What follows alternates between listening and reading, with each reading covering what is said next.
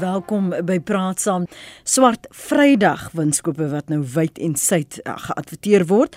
Daar word die afgelope paar jaar gekenmerk deur verbruikers wat na groot handelaars jaag vir Swart Vrydag aankope, maar dit beteken nie hulle het werklik die geld om dit te doen nie.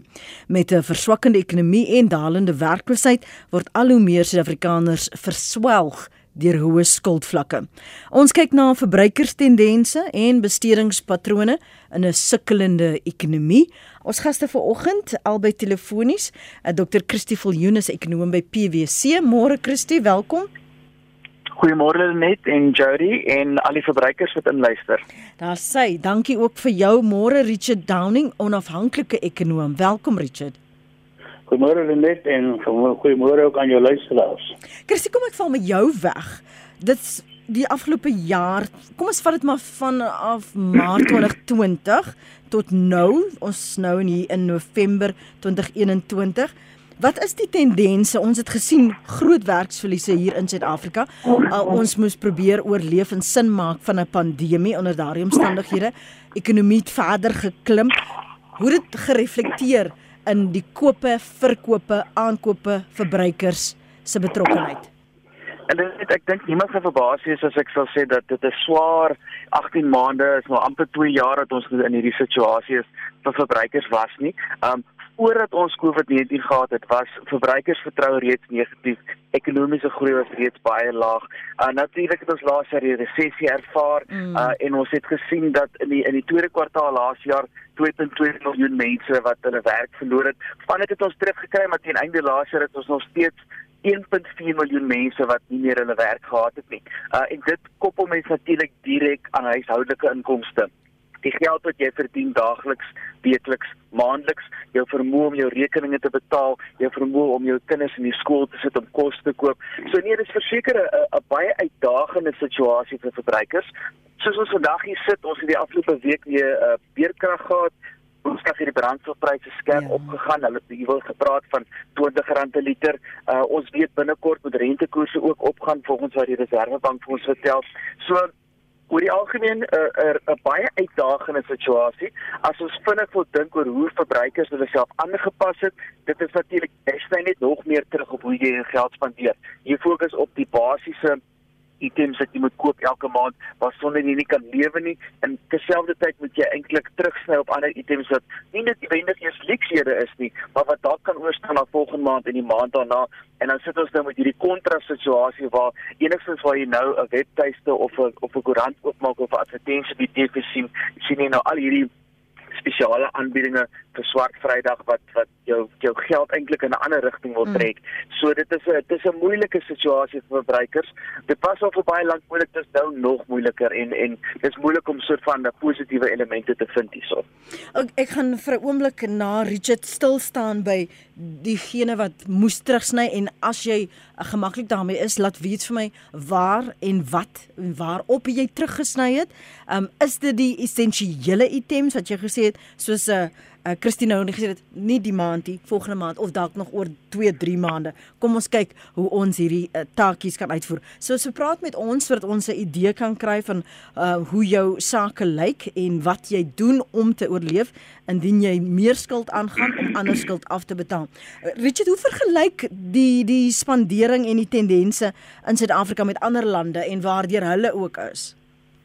Wel, hulle het maar dieselfde probleme ervaar, jy weet, ek dink net 'n uh, Miskien het hulle die hele sogenaamde lockdown of inperkingsprosesse nogal redelik goed hanteer en veral hulle inentingsprosesse het hulle redelik goed hanteer teen die COVID uh soort van pandemie en uh, dit het nog uh, uh, tot gevolg gehad dat hulle redelik vinnig kon terugkeer na sogenaamde normaalheid. Maar ek dink ons net so eens netjie teruggee en 'n bietjie te praat oor hoe hoe belangrik is eintlik jou verbruikersbesteding in die ekonomie. Mm. Ons weet 64% van alle besteding in die ekonomie, finale besteding nou. Praat nie van intermediêre besteding van waar mense goed aankoop om te vervaardig en so nie, maar aan die ander woorde finale besteding is privaat verbruiksbesteding 64% wat 'n redelike groot omvang is in terme van die totale ekonomie en veral vir ons wys hoe belangrik dit is eintlik wat die verbruiker doen. Ons weet die BBP is eintlik 'n produksie maar bestee ons natuurlik aan aan die aan, aan die ander kant aan aan daai bruto binnelandse produk en ons voer ook goedere in daarvoor. So verbruikersbesteding 'n baie belangrike kategorie. Ander lande eh, soort van het maar dieselfde probleme, maar ek dink hulle is as jy mens kyk na die vooruitskatting van die ekonomie, lyk dit heelwat beter as Suid-Afrika. Op die stadium is nie so ver teruggesak, miskien ook soos ons nie. Ek dink miskien as mense in retrospect terugkyk dan sou mense sê miskien het ons die eerste keer heeltemal verbou reek ingeklim in hierdie uh, soort van die inperkingsprosesse en uh, baie skade eintlik aangerig veral vir verbruikers. En soos ons ook nou gehoor het in terme van werkloosheid waar die groot syfer eintlik waar mense maar almal tel wil soek en moet opgegee het praat ons van 44% van jou van jou arbeidsmag. So dit is 'n dis 'n redelike on on on on onvure situasie vir die verbruiker wat nou al 'n rukkie aankom uit 'n resessie uit Nou ja, ons is tegnies uit 'n resessie uit, maar eintlik is in terme van die sake siklus is ons nog altyd half van 'n afwaartse fase en dit is dit is wat mense bekom het ons kom net nie reg in om die vertroue te skep om regtig uh, die verbruiker ook tot voordeel te wees nie. In in watter mate was die skuldeisers akkommoderend en het hulle die omstandighede verstaan, Christie?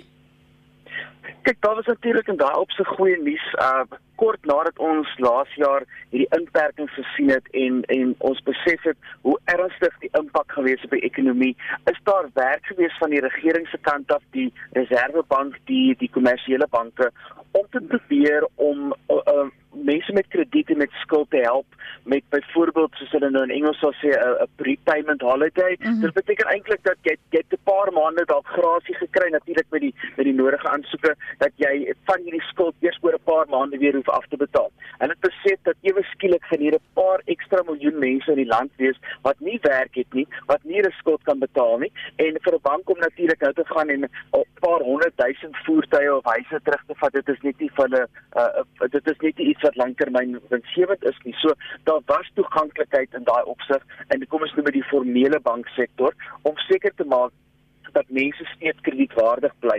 Nou daar's altyd hierdie gesprek oor oor oor krediet teenoor kontant. Mm. Uh en die beste raad is altyd as jy iets kan kontant koop, is dit goed.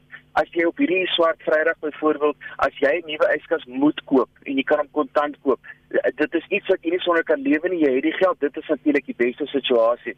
Maar ons kan ook nie uit die oog moet dit neem dat dat krediet en skuld 'n belangrike faktor is in enige ekonomie nie. Vir honderde jare nou al is is mense afhanklik van van krediet. Uh, as dit nie krediet was nie, sou meeste van ons nooit 'n huis of 'n voertuig kon besit nie. Want dit beteken dat wanneer jy begin werk na skool, gaan jy vir 'n paar dekades moet spaar voor jy 'n huis kan koop en dit is net nie moontlik nie. So krediet is 'n is 'n essensiële deel van hoe die ekonomie werk maar dan gaan dit ook oor hoe jy persoonlik daai krediet bestuur, hoe jy besluite maak wat goed is vir jouself in terme van dat jy nie te veel skuld aangaan nie, dat jy nie te veel rente betaal op dit nie, want ons weet ook dat daar is 'n sekere skuldprodukte waar mense amper net nooit kan uitkom nie. Mhm. Um en jou risikometye is hierdie is in November met Swart Vrydag en in Desember met met Kers inkopies is dat jy skuld aangaan wat jy tot diep in volgende jaar vat om af te betaal en dan dan begin die siklus maar net weer. So skuld is is is 'n goeie ding, maar is ook 'n slegte ding as jy nie reg bestuur nie. Hier is van ons luisteraars se SMS'e wat ek onmiddellik um, met julle wil deel. En dankie vir jou openhartigheid Elise, ek waardeer dit werklik. Uh, sy sê ons word net al armer en alwaar ek in my huishouding kan terugsny is my kosrekening. Die essensiële goed moet betaal word daar is nie skuld nie. Ek praat net van oorlewing.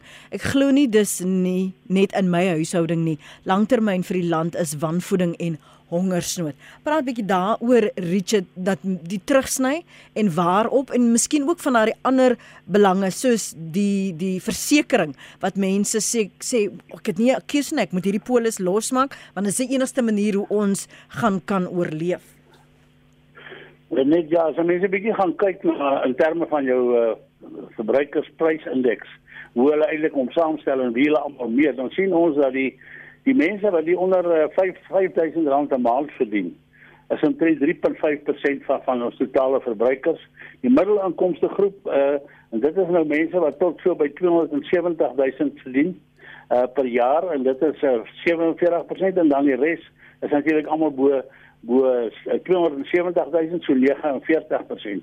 So ons sien eintlik dat jou onderste groep en veral die mense wat nie noodwendig gekwalifiseer is om in hierdie meer uh, kom ek sê uh, in 'n uh, moderne ekonomie deel te neem nie en sinvol deel te neem nie, het eintlik die swaarste getref. En soos ons nou gehoor het, kyk vir jou verbruikers is werklik op die broodlyn soort van en selfs onder die broodlyn.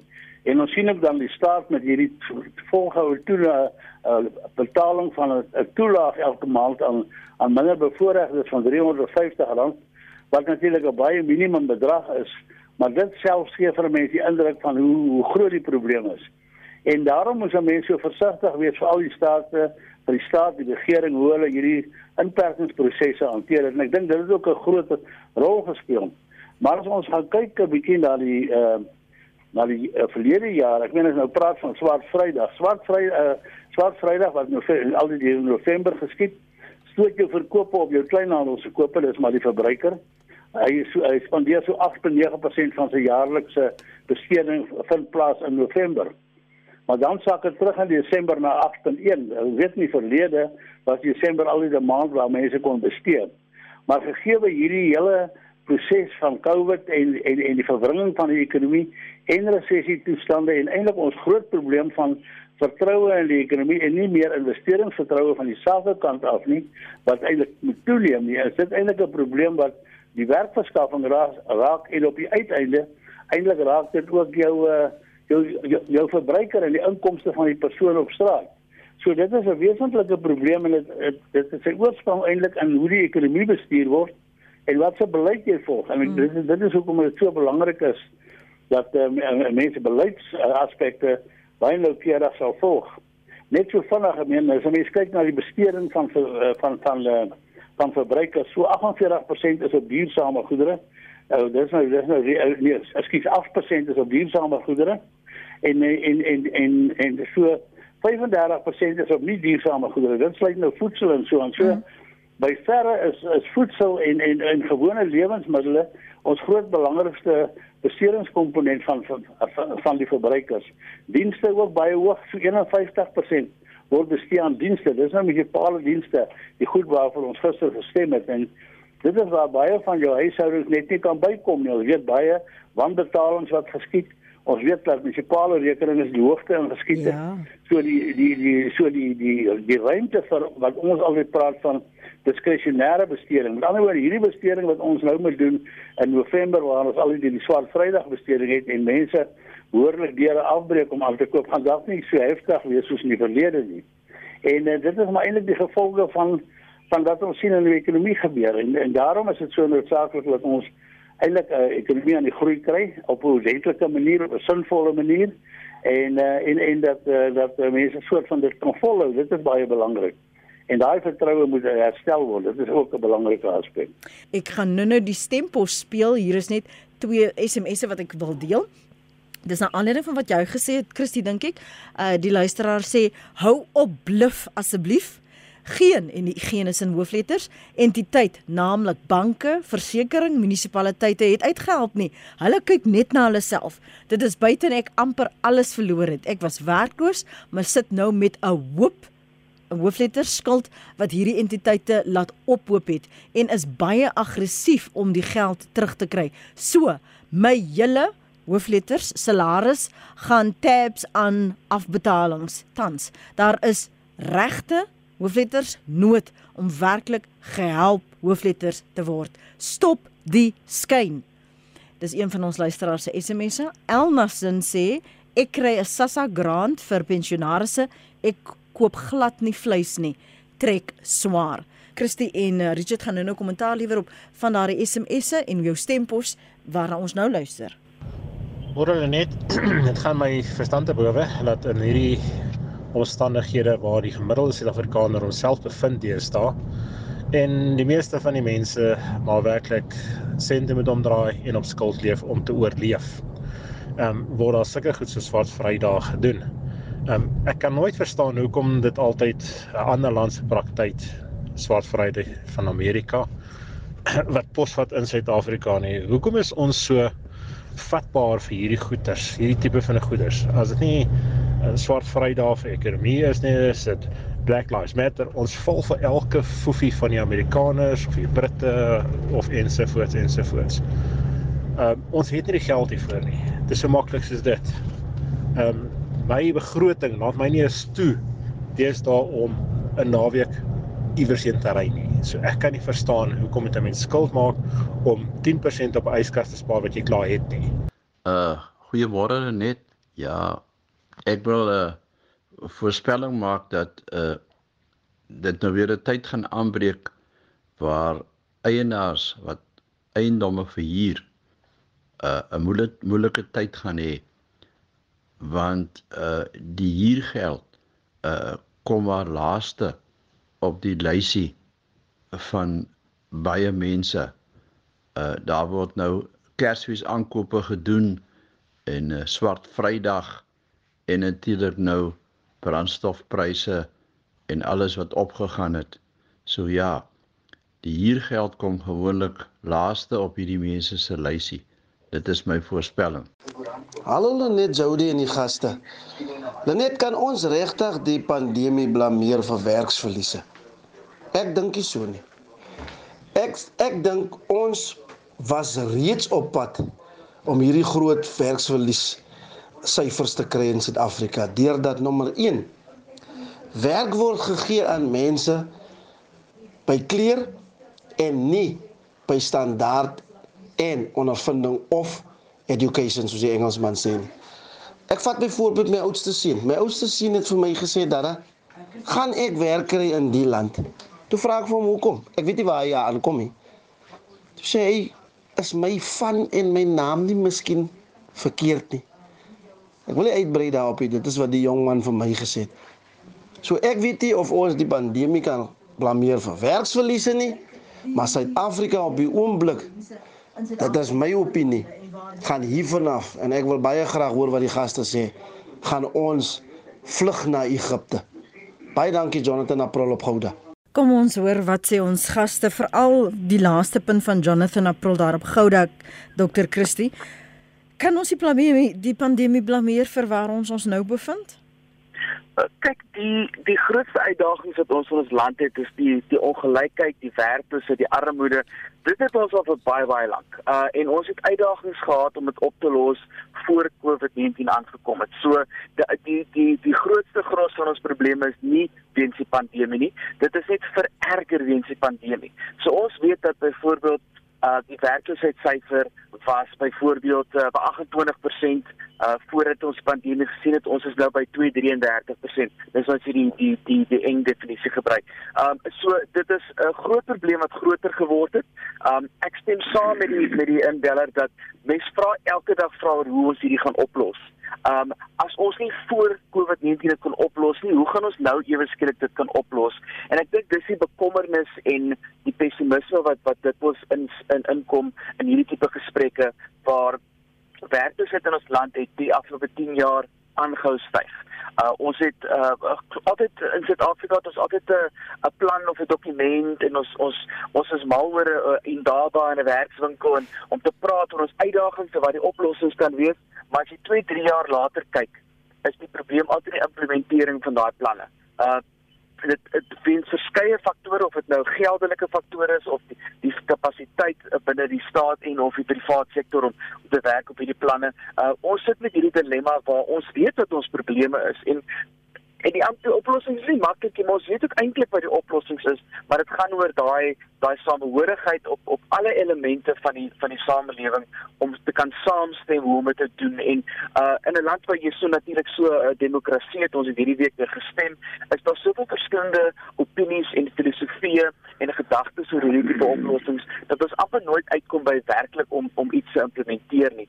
Um so ek stem saam met die indeller daai daai bekommernis oor as ons net nou probeer kyk 5 of 10 jaar vooruit gaan ons werklik by oplossings vind en meeste gesprekke of dit nou in 'n in 'n groot maatskappy is of dit om die braaivleisspier is en of dit dalk weer op 'n WhatsApp groep is meeste mense gaan sê ek ek, ek kan nie werklik die lig aan die einde van die tonnel sien nie en dit is wat ons dan seker kwaad maak en pessimisties maak en en hartseer maak uh, uh oor die huidige situasie Waar jy daarop reageer Richard?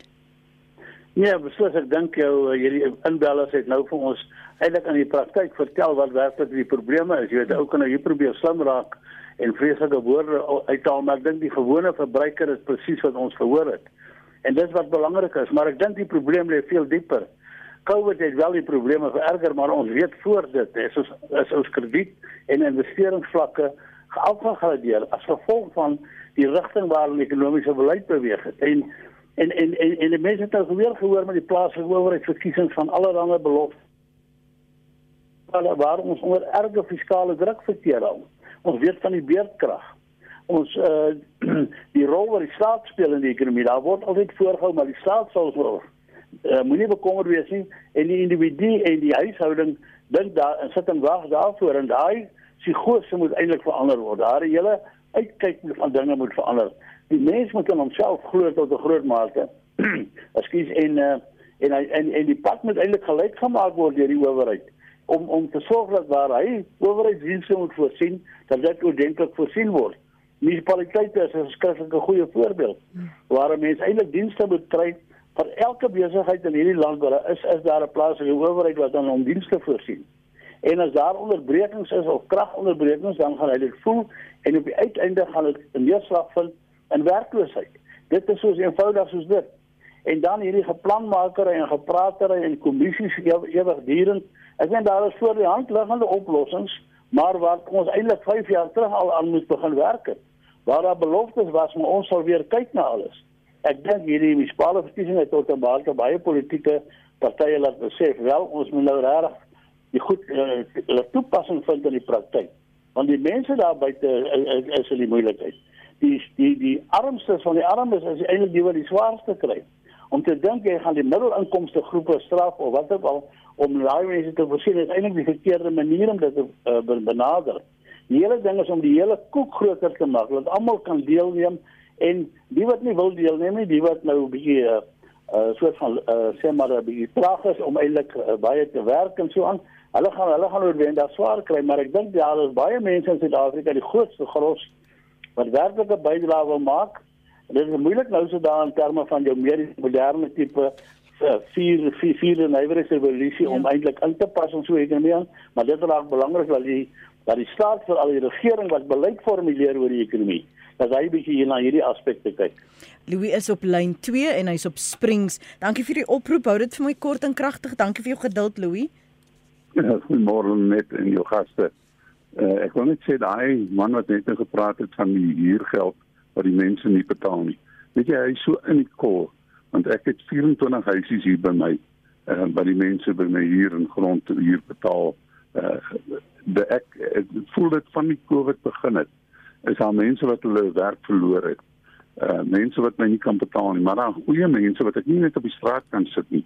En dit is en dit is baie moeilik om dit te doen. Ehm um, maar nou sit ek in hierdie situasie. Ek is al 'n paar honderd duisend rand agter. Die mense verstaan dit net nie, weet hulle uh, ek moet nog steeds my munisipale rekening betaal. Ek kry elektrisiteitsrekening en waterrekening van 50000 rand 'n maand as ek nie die inkomste kry van die huis en nou kry ek 12 mense se geld, 12 mense betaal nie. Mm maar ek moet nog steeds hulle elektrisiteit en water betaal. Want as jy dit nie doen nie, daar's 'n ding wat hulle noem 'n spoliation order. Eh, wat uh, jy mag nie mense krag afsit of sê mm. uh, water afsit nie. Maar die munisipaliteit mag my krag afsit en my water afsit. Maar die mense wat by my huur mag ek dit nie doen. Ehm um, jy sien so uh, nie net hulle is in die moeilikheid nie ek raak ook al hoe dieper en dieper in die moeilikheid. Dankie Louis. Dis 'n tweesnydende swaar Christie. Dit is inderdaad so. Uh soos ons nou kan praat oor sekere mense wat en daar's miljoene van hulle wat voordeel kon kry uit uh, van hierdie betalingsvakansies, jou een SMS wat ons vroeër gesien het. Nie almal het daai voordeel getrek nie.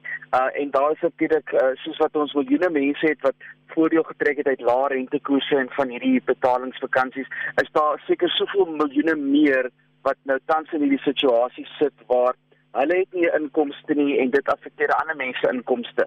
Nou dis maklik om te dink ek het my werk verloor, ek ek gaan nou nie 'n paar van hierdie items koop nie en jy dink die die kleinhandelaar gaan hulle gaan nou kyk wees dit is 'n groot maatskappy. Uh, hulle kan seker oorleef sonder my geld maar nou kry jy voorbeeld soos hierdie inbeller wat uh, dis dis nie eers 'n 'n nie noodsaaklike diens hier dis behuising wat hy vir mense gee. Mense kan fisies daar geld nie bekostig nie. Uh, en nie almal is noodwendig so gelukkig soos die mense wat by hom hier waar hy nog tans steeds voortgaan om hulle hierdie behuising te gee al kan hulle nie betaal nie. Daar is soveel mense wat hulle hulle behuising verloor het en dan as jy bietjie verder dink um voertuie wat miskien jy of dis teruggeneem deur die finansiëerder of jy moet die voertuig verkoop. Uh dit is dit is 'n effek wat uitkring oor 'n tydperk. Uh ons sukses ons nou so 18 20 maande in hierdie situasie in, maar die pyn van hierdie COVID-19 uh grendel tydperk gaan ons nog vir baie jare voel. Uh en dat mense so natuurlik kyk vir die vir die lig aan die einde van die tonnel.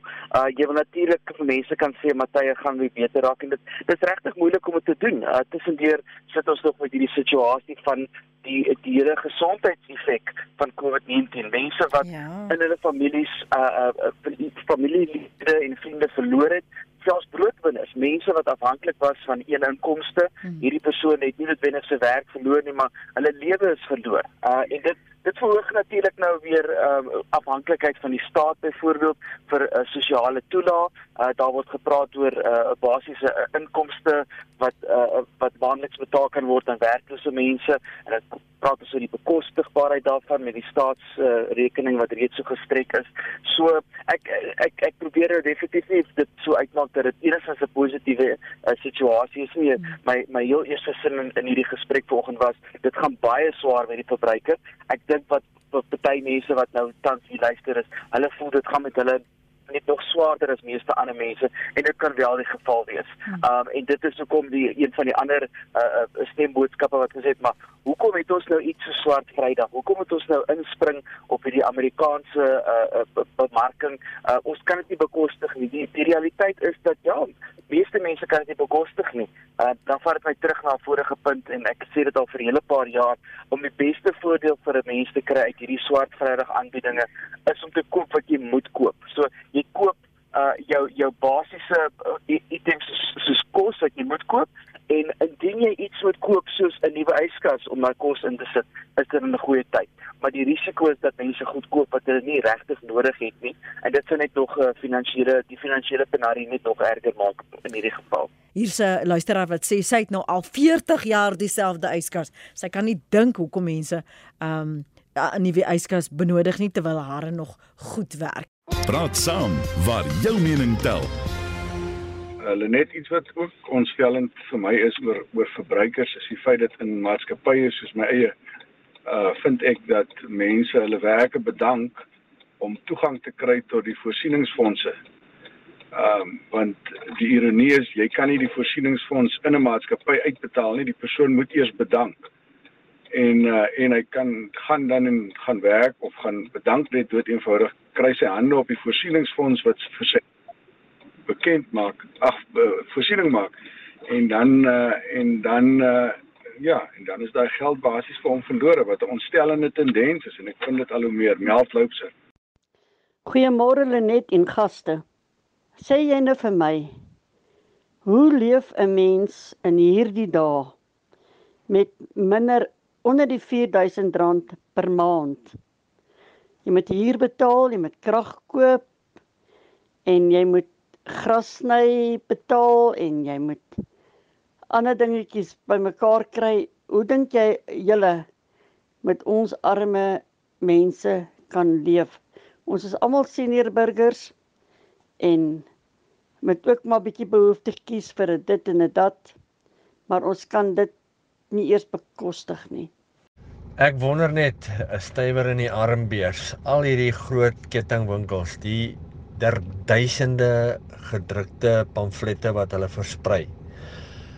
As hulle die elektroniese media gebruik en stop om daai goed te druk, kan dit nie 'n beduidende verskil maak op die koste van die goederes nie. Uh op die stadium styg die pryse van kosprodukte net te veel. Dit kan nie elke maand styg nie, dit styg elke maand. En 'n item wat met wat R30 kos kos skielik R35. Uh die stygings is net te groot. Uh jy kan nie 'n stygings van tussen 10 en 20% hê nie. Dis net nie reg nie. Baie dankie vir 'n baie insiggewende program elke oggend tussen 8 en 9. Ja, die swart Vrydag of Black Friday is regtig waar vir my um nie 'n goeie ding nie, want dit is regtig waar. Ons almal trek swaar baie opofferings moes al gemaak geword het en ek stem heel hartig saam met baie van die luisteraars se boodskappe dusver. Baie opofferings moes gemaak word, baie baie goedjies is gesny en 'n mens leef basies net op die broodlyn want wanneer die salaris inkom, betaal jy die belangrikste, jou huis, jou water, jou ligte. Solank jy darm 'n dak oor jou kop het, die ligte brand en die water loop, dan kan jy eers dink aan ander dinge. Ek moes ook van my polisse ongelukkig kanselleer as gevolg van die feit dat ek net nie die premie mee kon bybring nie. Dis hartseer want dit beïnvloed my my aftrede want dit was my aan die tyd maar ongelukkig was dit net nie meer moontlik om die premies verder te betaal nie. Ek wil maar net sê sterkte vir almal daar buite en ons moet maar net aanhou hoop, vertrou en glo. Richard, eh, jou kommentaar na aanleiding van van daardie stempos? Ja, dit is 'n jammerlike storie en ek dink dit geld vir baie mense in hmm. terme van veral die minder baie mense uit die versekerings en voorsiening van, van risiko's en so moet nie meer kan bekostig nie. Maar as daarom 'n uh, eh, klompie mense in Suid-Afrika wat eintlik glad nie die COVID ding gevoel het nie, dis jou staatsamptenare. Hulle het nog 'n bietjie vakansie ook gehad by die huis gesit en so aan en hulle het nie uh, werk toe te gery het nie waar hulle dan 'n bietjie kon spaar en hulle het nog 'n 4 of 4 of 5% salarisverhoging gekry. So daar is daarom ouens in Suid-Afrika, lyk like my, wat dan eintlik nie eens geweet het wat aangaan in terme van COVID en die moeilike tye wat vir gewone mense wag nie. Daarom sê ek uh, dis uh, die fiskale situasie in Suid-Afrika. Met ander woorde, wat kan bekostig word deur die staat as 'n ernstige kleipkant? En en en uh, dit ontstel mense eintlik om te dink dat verdere beloftes gemaak word uit daai oort uit. En gelukkig lyk dit vir my of mense begin besef, maar kyk die kiesers, so groot ding is om dienste te kry. En die vraag is kan ons dit bekostig? En dan die hele aspek van betaal vir jou dienste. Die staat is nie 'n Kersvader erns nie. Uh, hy hy kry maar sy geld weer by ander mense, by by die gewone verbruiker, BTW, persoonlike inkomstebelasting. Waar ons eintlik 'n baie klein uh, uh inkomstebasis het waar as ons mens kyk na persoonlike inkomstebelasting. En dit is wat wat die dilemma in Suid-Afrika is. Uh so dit kom maar weer terug. Ons kan hierdie ons kan regtig aandag gee aan probleemgevalle maar ons moes dalk begin, later begin het maar is nooit te laat om eintlik te verander nie. Maar ek dink die krisis is so groot vir albei mense soos wat ons inbellers sê. Nie ons ouens wat hier so rustig dan gesels en vertel hoe, hoe, hoe dinge gedoen moet word nie maar ek dink veral vir mense wat die die die moeilike situasie ondervind.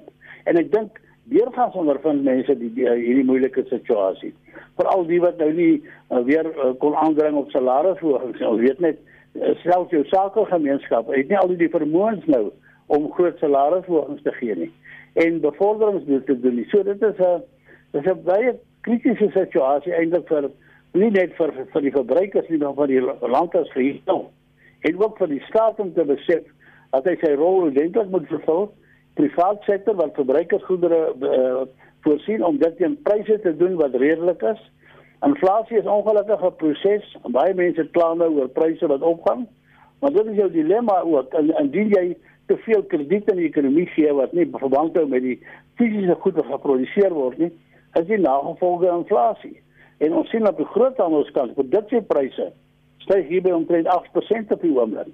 Verbruikerspryse teen 5%. So daai prosesse is nog altyd aan die rol.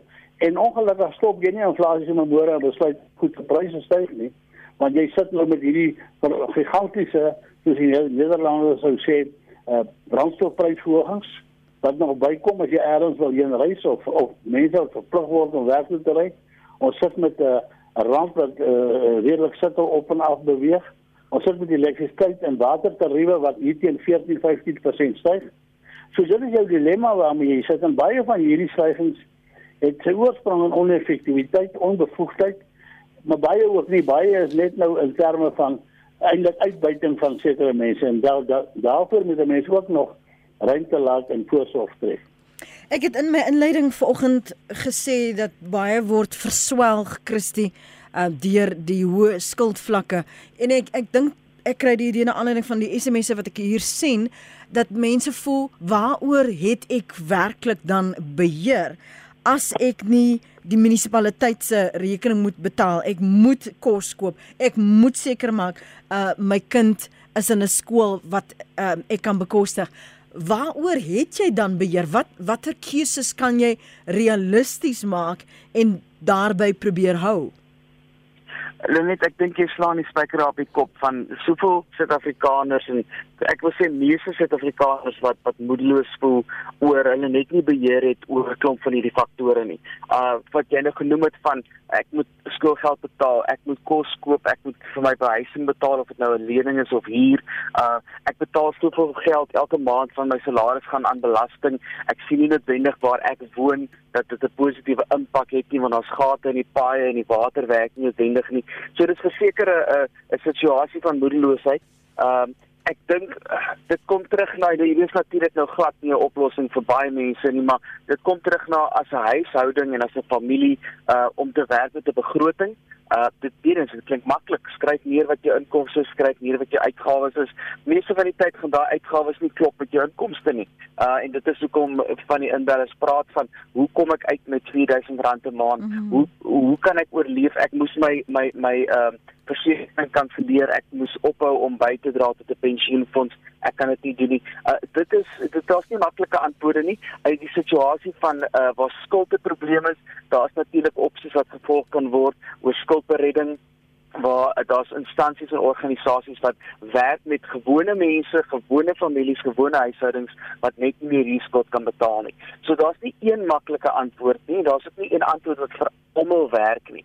Uh en ek sien ook nie daar is altyd noodwendige antwoorde want daar is soveel mense wat reeds tot op die randjie is van hoe hulle nou hulle begroting kan druk. Um dit gaan oor 'n bewustheid eerstens van wat jy hoeveel geld jy verdien en waar jy dit uitgee. Uh dit is die belangrikste daan om om net te kan weet waar jy jou geld gaan voordat jy enigstens iets kan doen om daai situasie te verbeter. As dit moet behels dat jy al jou inkopiestrokkies bymekaar maak en aan die einde van die maand hulle almal bymekaar tel en presies sien waar jy geld spandeer, dan is dit 'n manier om dit te doen. Uh dit, dit is iets wat elke persoon proaktief kan moet doen om 'n verbetering te kan probeer kry in hulle huishoudelike finansies. Hier is uh, van die SMS'e wat ek deel en dan gaan Richard Daning vir ons vanoggend afsluit. Een luisteraar skryf: "Ek kry Sassa. Ons kan nêrens heen gaan nie. Ons kan nie meer nuwe klere koop nie. Ons koop net die nodigste kos, eet meer brood, ons sny terug op kos, petrol, elektrisiteit, vleis is 'n luukse. Ons is nie rokers nie, nie drink nie. Ons drink nie. In die lockdown moes ek op kredietkaarte staat maak. Skryf die luisteraar Marie sê as ek kyk hoe die daaglikse benodighede se pryse styg, weet ek nie meer nie. Byvoorbeeld suiker en brood elke week duurder, het glad nie meer die geld nie. Ek het gebak vir 'n ekstra inkomste, maar ek kan dit ook nie meer doen nie, skryf sy. Ander een sê skuld is 'n groot probleem, maar ek kan nie sonder skuld leef nie want ek het nie geld om kos konstant te kan koop nie. Dienste geld wat betaal moet word, anders sit ek op straat. Ek leen geld by hierdie plek vir kos. As ek hulle geld terugbetaal, moet ek weer leen vir die volgende maand se kos. Dit 'n bietjie insink. Beplan alles, skryf 'n ander luisteraar, jy maak dit baie makliker vir jouself ter afsluiting Richard as ons praat oor hierdie simbiose, hierdie af, interafhanklikheid, ekonomie op verbruikers en aankope. Uh um, verbruikers wat staat maak op ander om om geld te leen om te kan oorleef soos die een luisteraar daar sê. Wat wat behoort die verhouding te wees? As ons praat van ons wil die ekonomie laat groei, maar ons wil ook hê verbruikers moet kan leef. Die verhouding tussen dit. Wel, net ek dink dat uh, dit begin 'n groot probleem raak as jy byvoorbeeld jou huisverband vergroot om jou kredieniersware aan te koop. En dit het ook soms gebeur. En ek weet, kyk 'n begroting is nou maar een ding. Ek meen die punt is hoe jy by 'n begroting.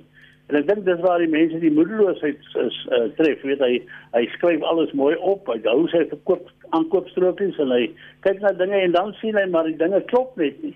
En dan moet jy nou, ek meen soos reg opgemerk is, dan moet jy binne jou vermoëns leef. Ek meen dit is ongelukkig waar dit op neerkom. So dit is maar 'n moeilike besluit, maar vir baie mense is hier daai posisie uh aanvaarbaar nie, maar ek meen hy moet oorleef net. En dit is waar die situasie kom. En baie som ek meen krediet is 'n handige hulpmiddel en dit is noodwendig deel van ons moderne tipe ekonomie. Maar ek meen uh, krediet is ook jy leef vooruit. Ek meen jy leef eintlik op inkomste wat nog moet kom.